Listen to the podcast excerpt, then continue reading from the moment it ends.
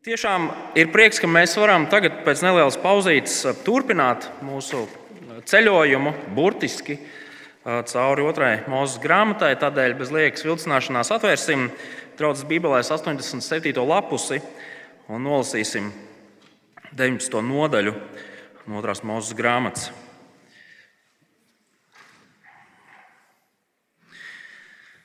Trešā mēneša pirmajā dienā pēc Izraēla dēla iziešanas no Eģiptes viņi nonāca Sīnai tuksnesī.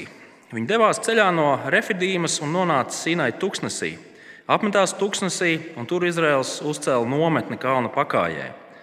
Tad Mozus kāpa pie dieva, un kungs sauc uz viņu no kalna. Tā saka Jēkaba namam, stāsts Izraēla dēliem.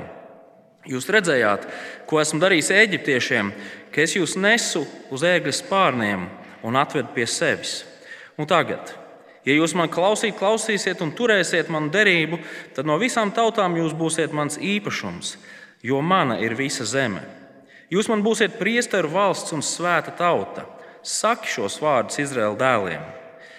Tad Mozus gāja, sasauca tautas vecajos un stāstīja tiem visu, ko kungs viņam bija pavēlējis. Un visa tauta atbildēja: Mēs darīsim visu, ko kungs teicis. Mozus atstāstīja kungam, ko tauta bija teikusi. Un kungs teica Mozum: Redz, es nākšu pie tevis biezā mākonī, lai tauta dzirdētu, kad es runāšu ar tevi, un lai tie tev ticētu mūžam. Mozus pastāstīja kungam, ko tauta bija teikusi. Un kungs teica Mozum: Ej pie tautas un svētī tos šodien un rīt, un lai tie mazgā savus drānas, lai tie ir gatavi trešai dienai. Jo trešajā dienā Trešajā dienā kungs visas tautas acu priekšā nolaidīsies Sīnai kalnā. Noliec visapkārt robežas tautas priekšā un saki, sargieties, ka jūs nekāptu kalnā un neskartu tā pakāpi. Ik viens, kas pieskarsies kalnam, mirtin mirs. Roka to neskars, bet tas tiks nomētāts akmeņiem vai nošauts bultām. Cilvēks vai lops tam nedzīvot. Kad atskanēs raksts, tad lai tie kāpj augšā kalnā. Mozus nokāpa no kalna pie tautas, svētīja tautu un tie mazgāja savus drānas. Viņš teica tautai, esiet gatavi trešajai dienai, netuvojieties sievietei. Un trešajā dienā, kad pienāca rīts, pār kalnu bija pērkons, zibeņi, biezs mākons un jo stipra raga skaņa. Visa tauta, kas bija nometnē, trīcēja. Mozus izved tautu no nometnes pretī dievam, un tauta nostājās kalna pakājai. Viss Sinai kalns bija dūmos, jo kungs bija nolaidies ugunī. No tās cēlās dūmi kā no lietuvas, un viss kalns varan trīcēja. Raga skaņa dārdēja jo stipri. Mozus runāja, un Dievs viņam atbildēja pērkonā.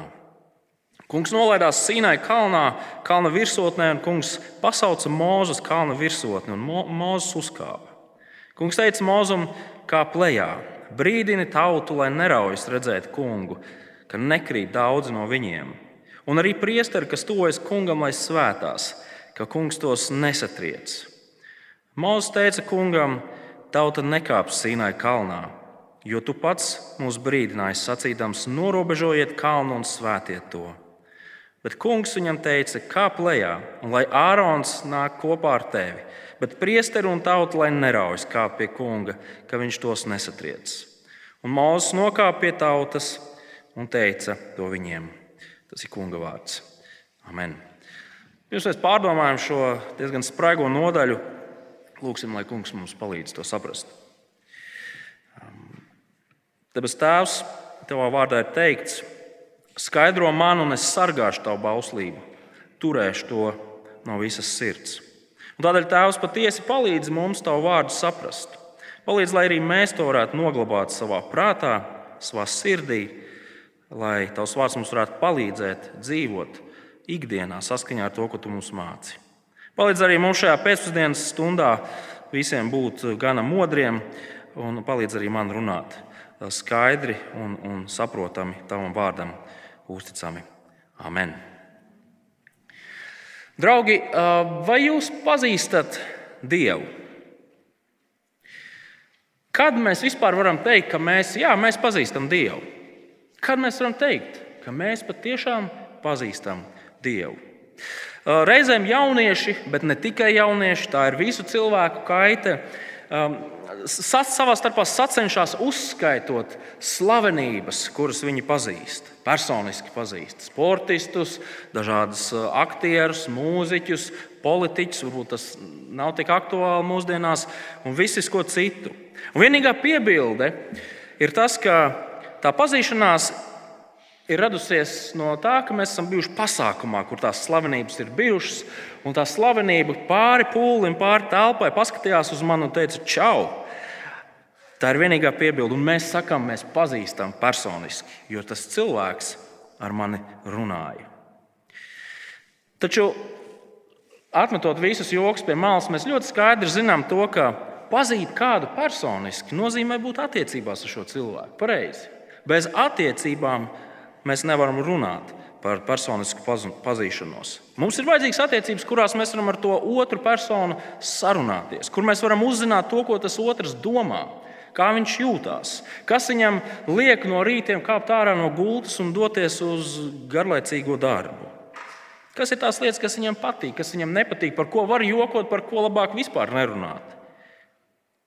Lai teiktu, ka mēs kādu pazīstam, ir nepieciešams tas, lai šis kāds mums kaut ko par sevi atklāja pareizi. Lai viņš ar mums runā, lai viņš mums māca par to, kāds viņš ir. Redziet, runājot par dieva pazīšanu, cilvēki reizēm pieiet līdzīgi kā tām slavenībām. Visiem cilvēkiem ir kaut kāds priekšstats par Dievu. Daudzi cilvēki mūsdienu sabiedrībā teiks, jā, protams, es ticu Dievam, es zinu, ka Viņš ir. Cilvēkiem ir daudz dažādu uzskati. Parasti tie ir sagrābstīti no kaut kādām dažām, dažām Bībeles grāmatām, vai varbūt tās cilvēki ir bērnībā bijuši svētdienas skolā, dzirdējuši dažādas stāstus, vai viņi vienkārši ir dzirdējuši. Pilns YouTube un internets ir pilns ar cilvēku domām par to, kāds ir Dievs. Bet vai tā ir Dieva pazīšana? Draugi, labā ziņa šodien ir tāda, ka Dievs, Dievu ir iespējams pazīt, patiesi pazīt. Tas ir iespējams ikvienam cilvēkam, vēl labāk. Dievs vēlas, lai cilvēki viņu pazītu. Dievs vēlas, lai cilvēki zinātu to, kāds viņš patiesībā ir. Un šajā dieva iepazīšanas procesā mēs esam aicināti atmest visas tās lietas, kuras mēs esam sagrābstījuši cauri eh, gadiem, ejot šajā dzīvē. Un tā vietā nopietni klausīties tajā, ko Dievs māca par sevi. Kas tad ir tas, ko Dievs pats par sevi atklāja. Un, protams, nav nekāds noslēpums, ka Dievs visskaidrāk sevi atklāja caur savu dēlu, Jēzu Kristu. Gribat zināt, kāds ir Dievs, skatieties un klausieties Kristū. Taču, ja mums vajadzētu teikt, kas tad ir tā otrā vieta, kur Dievs sevi dara zināmu, manuprāt, mēs varētu diezgan droši teikt, ka otrā mūzes grāmatā ir uh, ierindojusies otrajā vietā, kā tā vieta, kurā Dievs sevi dara zinām. Caur darbiem, caur vārdiem, caur visu, kas šajā grāmatā ir pierakstīts. Šīs grāmatas mērķis ir pavisam vienkāršs. Cilvēki, es gribu, lai man pazīsti. Un šajā otrajā mūzes grāmatā Nav runa par kaut kādiem notikumiem, kas ir norisinājušies kaut kur, kaut kaktos, alās, vai Dievs sev ir atklājis kaut kādam apšaubāmas reputācijas cilvēkam. Nē, šie ir vēsturiski notikumi, kuriem ir bijuši tūkstošiem cilvēku, kas, kas to ir redzējuši. Jūs gribat zināt to, kāds ir Dievs? Skatieties uz darbiem, kas ir aprakstīti šajā grāmatā. Jūs gribat zināt, kāds ir Dievs? Klausieties tajā! ko viņš šajā grāmatā saka. Mēs, sākot ar šo svētdienu, uzsāksim gājienu cauri dažām nodaļām, no 19. līdz 24. nodaļai. Īpaši šo nodaļu centrā ir viena vienīga doma. Dievs vēlas būt derības attiecībās ar cilvēkiem. Dievs ir personisku attiecību Dievs. Tas ir tas, ko Dievs šajās nodaļās atkal un atkal un atkal mums atklās. Dievs saka, es būšu jūsu dievs, un jūs būsiet mani ļaudis. Un šīs nodaļas ir sarakstītas, lai palīdzētu mums saprast, nu, ko tas nozīmē. Nu, kā tad izskatās būt personiskās attiecībās, jeb, ja jūs gribat šajā tehniskais vārds, derības attiecībās ar Dievu? Ja jūs esat kāds, kurš tikai mēģina saprast, par ko tad ir kristīgā vēsts, ko tad Bībele māca, šī ir īstā vieta, kur būt. Šī ir īstā vieta, kur būt, lai mācītos par to, kāds tad ir Dievs, ko Bībele atklāja par Dievu. Taču kristieši, gluži tāpat kā mēs, katru pavasari un centīgi arī katru rudeni no māju logiem nomazgā vecos zirnekļu tīklus, un dubļus un putekļus. Tieši tāpat arī mums, kristieši, ir regulāri jānotīra mūsu izpratne par Dievu, jo tai visu laiku pielips kaut kas. Mēs dzīvojam laikmatā, kur mūs bombardē visu laiku kaut kādas lietas par Dievu, mācības par Dievu, un tas viss mums pielīp. Tādēļ ir ļoti labi, ka mēs varam laiku pa laikam apstāties un studēt šādu grāmatu, kurā mēs ļoti skaidri redzam, kas Dievs ir un kas Dievs nav. Jo uzzinot to, kāds ir Dievs, mēs atklājam viņa patieso varenību, patieso skaistumu, patieso gudrību, patiesos nodomus. Un, ja mēs pazīstam Dievu tādu, kādu Viņš sev atklāja, mēs spējam ar apmierinājumu un prieku un pateicību arī dzīvot kā kristieši. Šīs dienas raksturvieta, atvainojos, patīk garu ievadu, bet sen nebijām runājuši par otro mūzu grāmatu. Šīs dienas raksturvieta atklāja tādu nedaudz paradoxālu dievu. No vienas puses mēs redzēsim to, ka Dievs sevi atklāja kā šo uh, derības dievu, kurš vēlas būt tuvās attiecībās ar, dievu, ar, ar cilvēkiem, kurš grib būt pieejams cilvēkiem. Taču no otras puses, Dievs ir šausmīgi biedējošs. Tāds, kuram nemaz tik viegli nevar tuvoties. Tad mēģināsim aplūkot šīs divas lietas un, un izdarīt kādus secinājumus. Šīs dienas eh, nodaļa sākas ar, ar to, ka autors mums palīdz norientēties, kur mēs esam. Ir pagājušas astoņas nedēļas, kopš Izraēla tauta ir atbrīvota no Eģiptes verdzības. Viņi ir nonākuši pie Sīnai kalna. Sīnai kalns ir tā vieta, kur Dievs jau gandrīz pašā grāmatas sākumā teica, jūs tur nonāksiet. Nu, viņi beidzot ir nonākuši, viss norit pēc plāna. Izrēlieši ir uzcēluši milzīgu telšu pilsētu, līdzīgi kā pozitīvs festivāls, pat vēl lielāku, jo tur ir uh, pāris miljonu cilvēku. Un Mozus, Mozus, kuru mēs jau esam iepazinuši kā tādu starpnieku starp dievu un cilvēku, turpina darīt savu starpnieku darbu. Neliels mājas darbs, ja jums patīk mājas darbi. Mēģiniet, lasot šo nodaļu un nākamo, saskaitīt, cik bieži Mozus tekalēja augšā pie dieva un atpakaļ pie cilvēkiem. Augšā pie dieva jūs būsiet pārsteigti, cik bieži tam vismaz 80 gadus vecajam vīram vajadzēja rāpties kalnā un lejā. Bet tāds ir viņa darbs. Viņš ir starpnieks starp dievu un cilvēkiem. Un arī šajā nodaļā mēs redzam to, kā Dievs uzrunā Mūzu sakot, klausies, šīs ir tās lietas, kas tev ir jāpasaka cilvēkiem. Un patiesībā vārdi, ko Dievs mūzum pasaka no 3. līdz 6. pantam, ir visas otrās mūzes grāmatas teoloģiskais centrs. Tas ir tas motors. Šajos pantos ir savilkts kopā, ja tā var teikt, viss tas, ko Dievs šajā grāmatā grib darīt, ko Viņš ir darījis un, un tiek atklāts mērķis, kāpēc viņš to ir darījis. Izlasīsim vēlreiz šos pantus. Tad Mozus kāpa pie dieva, un kungs sauc uz viņu no kalna. Tā saka, Jēkabam namam stāst Izraēla dēliem, jūs redzējāt, ko es darīju eģiptiešiem. Ka es jūs nesu uz ērgļa spārniem un atvedu pie sevis. Un tagad, ja jūs man klausīt, klausīsiet un turēsiet manu derību, tad no visām tautām jūs būsiet mans īpašums, jo mana ir visa zeme. Jūs man būsiet priesteru valsts un svēta tauta. Saki šos vārdus Izraēla dēliem. Dievs sāk ar to, ka viņš vēlreiz ļaudīm ļoti kodolīgi liek atcerēties to, ko viņš ir darījis viņu labā. Dievs saka, atcerieties tās pirmās 18 nodaļas. Visu to, kas tur notika, kā es jūs izglābu no šī cietsirdīgā, ļaunā faraona, kurš spītīgi, lepni sacēlās pret mani, paverdzināja jūs. Atcerieties to, atcerieties to, kā es iznīcināju visu viņa izslavēto armiju ar visiem kaujas zirgiem un kara ratiem. Atcerieties to, atcerieties to, kā es jūs, un šeit viņš lieto to, to vārdu, frāzi, kā, kā ērglis uz saviem spārniem, jūs nesu pāri tūkstnesim. Es atzīšos, ka vienīgais ērglis, ko es savā dzīvē esmu redzējis, ir nu, stipri apšaubām paskata putns zooloģiskajā dārzā. Uz, uz šiltītes bija rakstīts ērglis. Neizskatījās, bet es ticu zoodārza dar, darbiniekiem. Bet es esmu redzējis tepatās blakus esošajā māras dīķī gulbjus, kā viņi uz muguras nestos savus mazos pelēkos pūkainos cālīšus, gulbīšus. Tā ir visdrošākā vieta, kur tiem mazajiem būt Māras dīķī. Dievs saka, es esmu kā ērglis, kas jūs ir nesis. Es esmu par jums gādājis, es jūs esmu sargājis, es jūs esmu glābis no visa tā, kas tūkstnesī var uzglūnēt.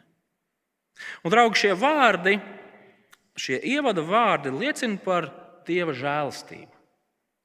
Dievs izglāba un pasargāja šo bezpalīdzīgo vergu tautiņu, šo milzīgo ļaužu masu. Un to ir ārkārtīgi svarīgi saprast. Attiecības ar Dievu sākas ar Dieva žēlastību. Glābšana ir Dieva dāvana. Tur nav ne kripatiņas cilvēku nopelna. Draugi, mums ir jāsaprot, ka izrēlieši bija tieši tādi paši, ne ar ko labāki, ne ar ko sliktāki kā visas pārējās pasaules tautas tajā laikā. Bet Dievs viņiem parādīja žēlstību, viņus izglābjot. Viss sākas ar to, ka mēs esam aicināti ieraudzīt un atzīt to, ko Dievs ir darījis mūsu dzīvē, mūsu labā. Un tas ir ārkārtīgi, ārkārtīgi svarīgi. Kāpēc? Tāpēc, ka reizēm cilvēkiem liekas, ka mums, lai mēs varētu kaut kādās vismaz um, sarunu pirmo raundu ar Dievu uzsākt, mums vispirms kaut kas ir jāizdara. Kaut kādi likumi, kaut kādi noteikumi, tie paši slavenie desmit baušļi. Nu, mēģināsim viņus turēt, pildīt, un tad jau Dievs ar mums sāks pamazām runāt. Draugi ir tieši otrādi. Pat pirms tiem pašiem slavenajiem desmit baušļiem, kurus mēs aplūkosim nākamajā svētdienā, Dievs saka, es esmu kungs, tavs dievs, kas tevi izveda no Eģiptes zemes, no vārgu nama. Dievs saka, es, jūs, es biju tas, kurš jūs izglāba. Jūs esat mani izglābtie ļaudis. Un tad sako desmit paušļi. Tā tad ir svarīgi saprast, ka vispirms ir dieva darbs, un pēc tam kā atbilde tam sako mūsu darbs. Bibliskā kristietība, ja mēs viņu noliktu līdzās visām pasaules reliģijām, es nezinu, cik viņas ir, bet viņas ir ļoti daudz. Bibliskā kristietība būtu vienīgā unikālā ar to, ka tā sākās Klaudraugs, skaties, ko Dievs tavā labā ir izdarījis. Visas pārējās pasaules reliģijas saka, vispirms parāda, ko tu esi izdarījis. Un tad paskatīsimies, vai Dievs ar tevi runās. Un šī patiesība no mūsu pleciem noņem milzīgu nastu. Mēs varam atvieglot un nopūsties, jo varam būt droši par savām attiecībām ar Dievu Mēs varam būt droši par savu nākotni. Tā nebalstās tajā, ko mēs esam darījuši vai neesam darījuši. Viss sākas ar to, ko Dievs ir izdarījis. Bet Dievs, pamaniet lūdzu to, ka Dievs cilvēkus ir ne tikai izglābis no kaut kā, no šīs verdzības izrēliešu gadījumā, bet Dievs cilvēkus izglābis kaut kam. Dievs cilvēkus ir izglābis attiecībām ar sevi. Un šajās attiecībās cilvēkam patiesi ir jāklausa un jādara tas, ko Dievs ir teicis. Dievs no saviem ļaudīm sagaida paklausību. Skatieties, kā sākās 5. pāns. Un tagad, ja jūs man klausīt, klausīsiet un turēsiet manu derību. Paturam prātā, iepriekšējā pantā mēs redzējām to, ka Dievs ir parādījis žēlstību un izglābs dievu ļaudis. Un paklausība nav glābšanas pamats, paklausība ir glābšanas sekas. Tā ir zīme tam, ka cilvēks ir satvēris dievu dāvāto žēlastību. Paklausība ir zīme, augļi, ko glābšana nes. Žēlastība, draugi, nenozīmē likuma atmešanu, noteikumu atmešanu. Nē, Dieva likumam ir noteikta loma un vieta kristiešu dzīvē. Tas ir labs, tas ir vajadzīgs. Dievs no saviem ļaudīm sagaida paklausību, turēšanos pie tā, ko viņš ir teicis. Es atļaušos izmantot diezgan ierobežotu ilustrāciju, kā, kā jau daudzas ilustrācijas. Redziet, visām attiecībām, vai tās būtu laulības attiecības, vai tās būtu vienkārši kaimiņu būšana ar, ar, ar Jevģēniju no, no blakus uh, mājas. Visās attiecībās ir nerakstīti attiecību likumi. Pareizi. Tie ir tie nerakstītie likumi, kas palīdz attiecībām būt normālām, uzticībā balstītām, tādām, kurās cilvēki var paļauties viens uz otru, kur, kur, kur viens otru atbalsta un kuru, kurās cilvēki var pieaugt un nobriest. Visās attiecībās ir zināmi noteikumi, likumi. Es nezinu, varbūt kādam ģimenei ir rakstītie likumi pie leduskapja. To es atstāju jūsu ziņā. Un tad nu, caur sarunām, caur, caur, caur laika ejot, cilvēki iepazīst viens otru. Jūs esat pamanījuši to, cik neveikls bieži vien ir attiecība, attiecību sākumi. Tas tāpēc, ka cilvēki nezina šos nerakstītos likumus. Bet laikam ejot, vienam ar otru runājot, mēs iepazīstam viens otru un mēs noskaidrojam, kā šīs attiecības var strādāt un kā tās var būt veselīgas un darboties. Draugi pie Sinaja kalna šajā raksturvietā tā pa īstam sākās dieva attiecības ar viņa ļaudīm, ar visu viņa tautu. Dievs to ir izglābis, Bet tautai ir jāzina, kāds ir šis dievs, kurš viņus ir izglābis.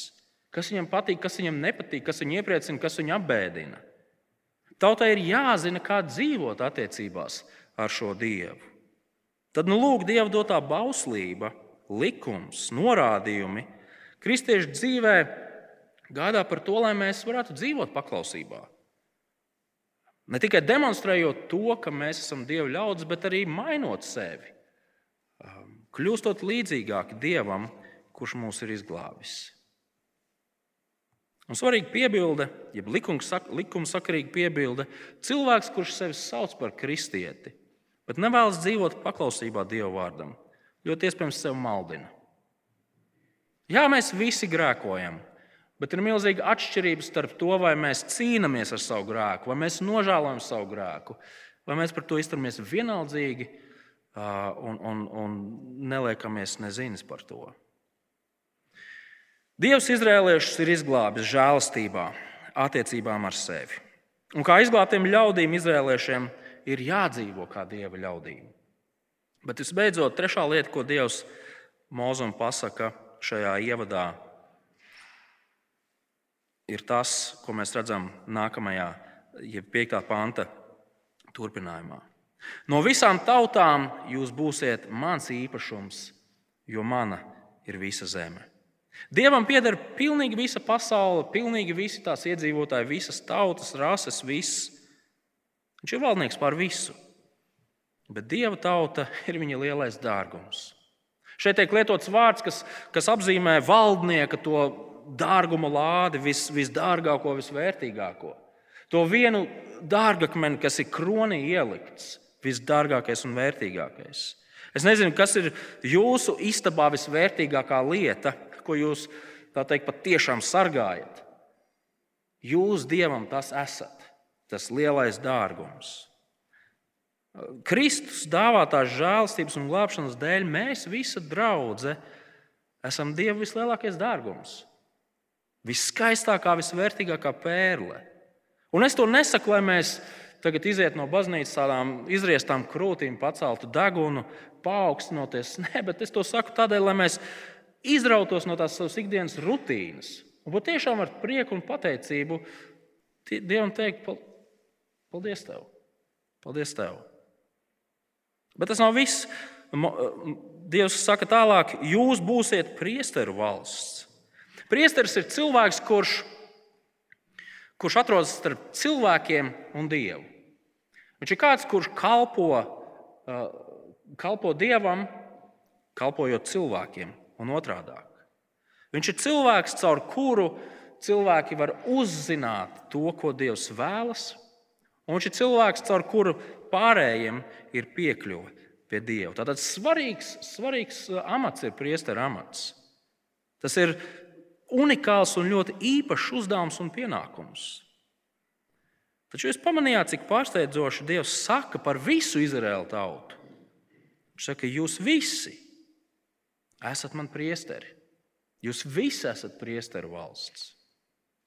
Un tas gluži vienkārši nozīmē to, ka Dieva ļaudis šajā pasaulē ir tie cilvēki, caur kuriem visiem pārējiem pasaules cilvēkiem, iedzīvotājiem, ir, ir iespējams uzzināt par to, kāds ir Dievs.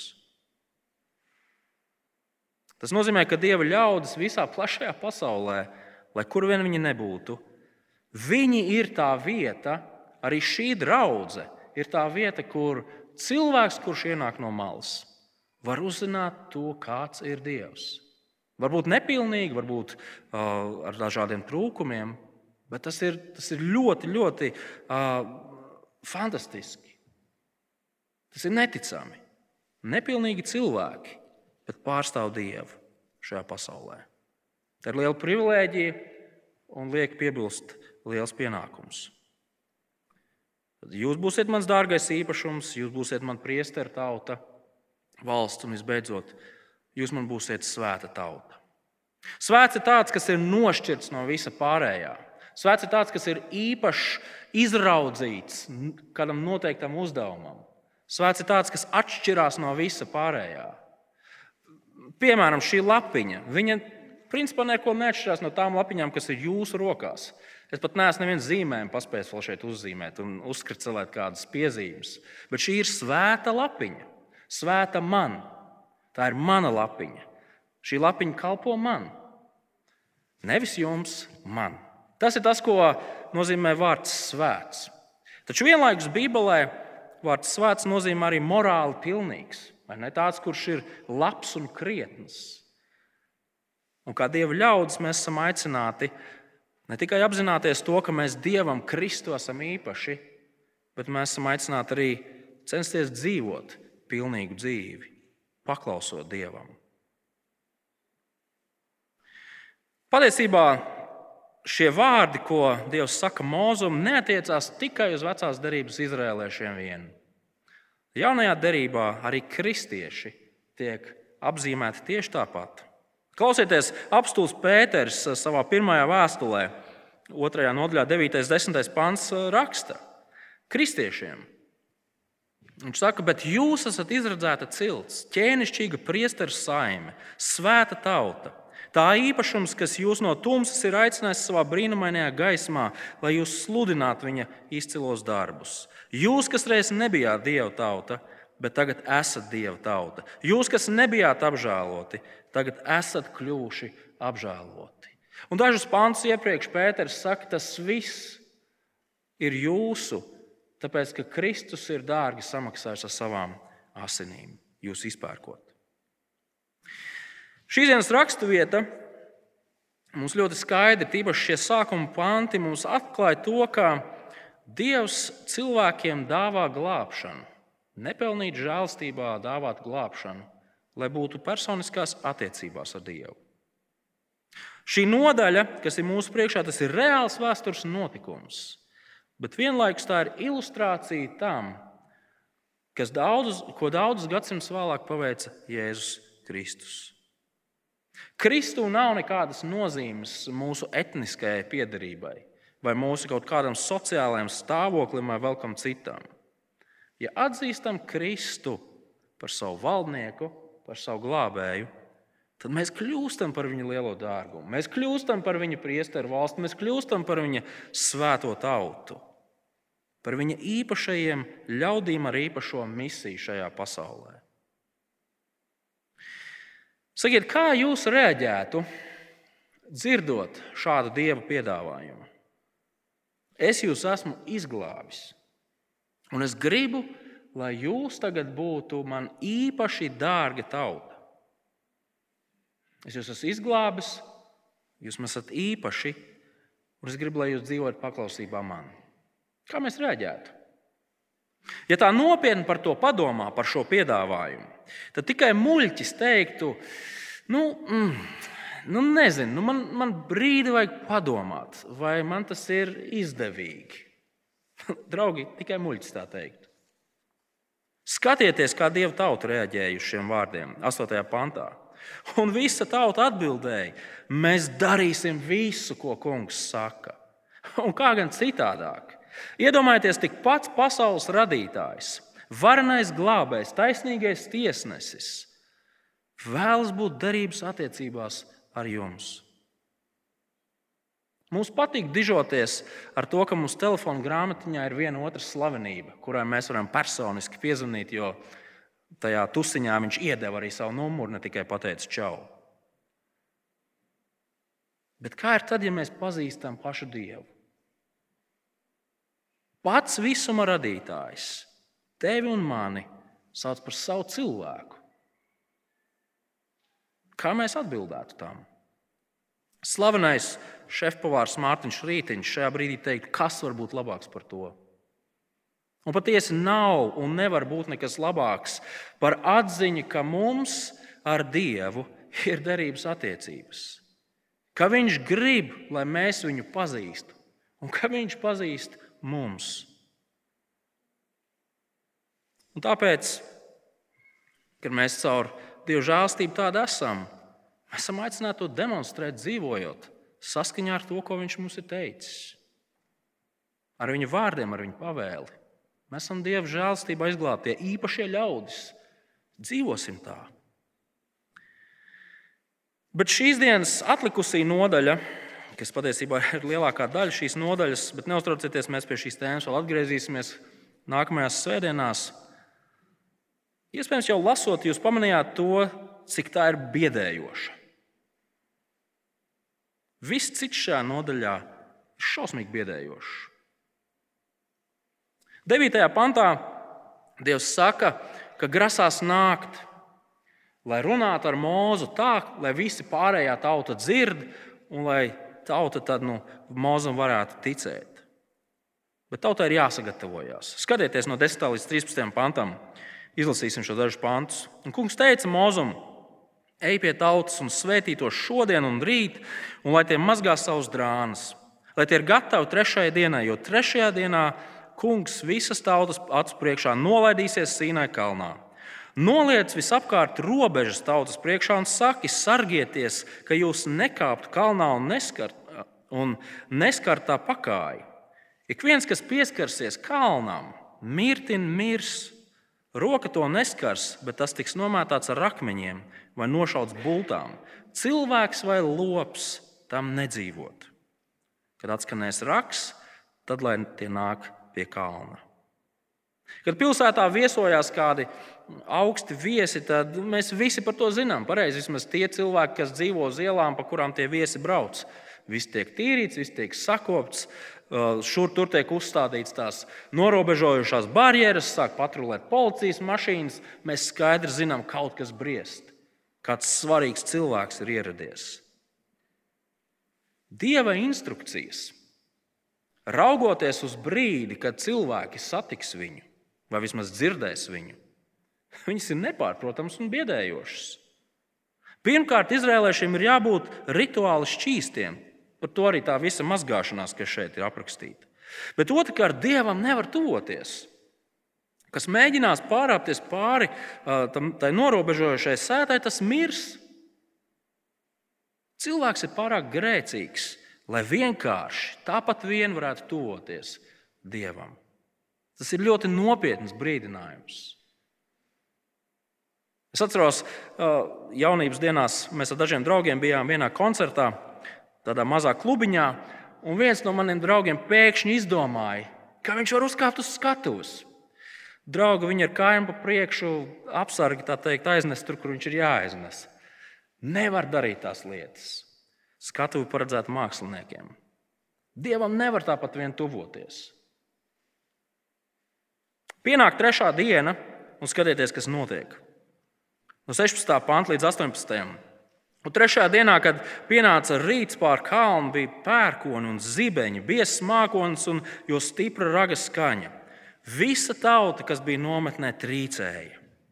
Mūzes izved tautu no nometnes pretī dievam, un tauta nostājās kalnu pakājē. Viss Sīnai kalns bija dūmos, jo kungs bija nolaidies ugunī.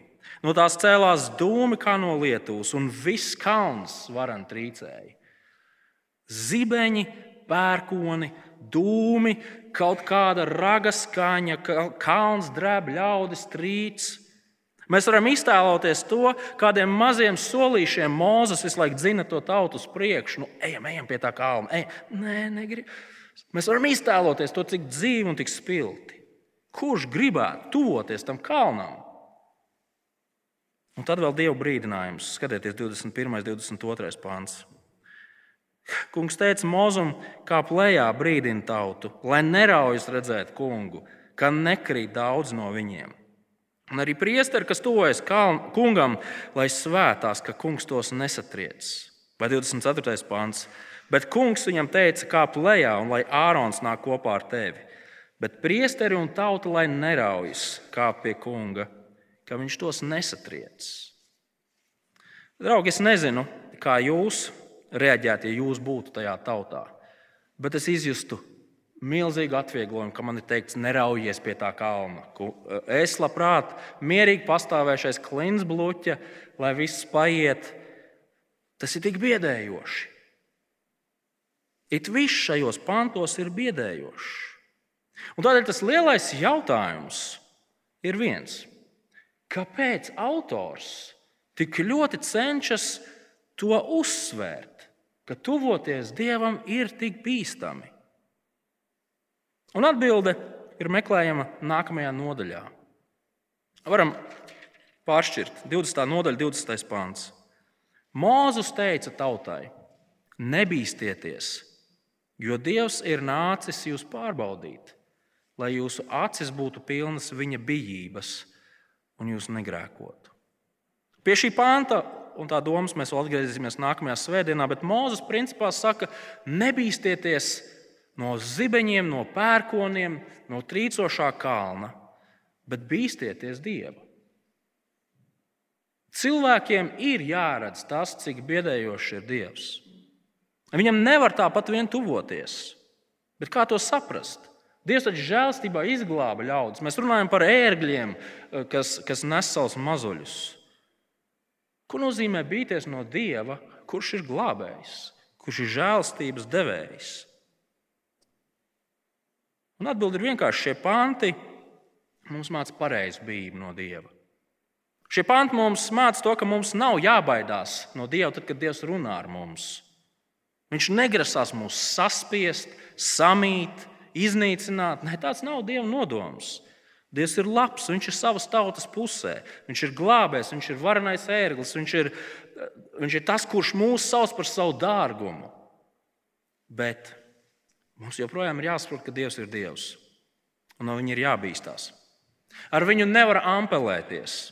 Viņš ir svēts, viņš ir dišs, viņš ir varants. Viņš nav tāds kā citi cilvēki, vai pat visvarenākie cilvēku valdnieki. Draugi, Dievs nekad nebūs mūsu līmenī. Mēs nekad nebūsim vienā plauktiņā, pat ne vienā uh, lielajā plauktā ar Dievu. Mēs pret Dievu nekad nedrīkstam izturēties pavirši, familiāri. Viņš nevar būt čomiņš, kuram mēs varam pieci iedot. Viņš nevar būt mūsu pieradinātais mājdzīvnieks, mūsu pakalpiņš, mūsu izsūtāmais zēns. Viņu nedrīkst ignorēt. Viņam nevar teikt, pagaidi, šobrīd man ir kaut kas interesantāks, ko darīt. Draugi, mums visiem ir vajadzīgas veselīgas bailes no Dieva. Tās nav šīs paniskās bailes, kurās mēs vienkārši sastingstam un nokrītam zemē un izliekamies par akmeņiem.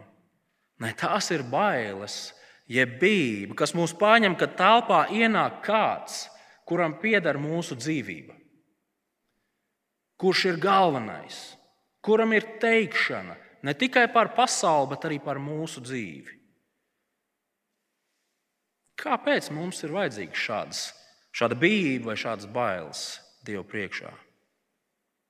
Un atbilde ir vienkārša.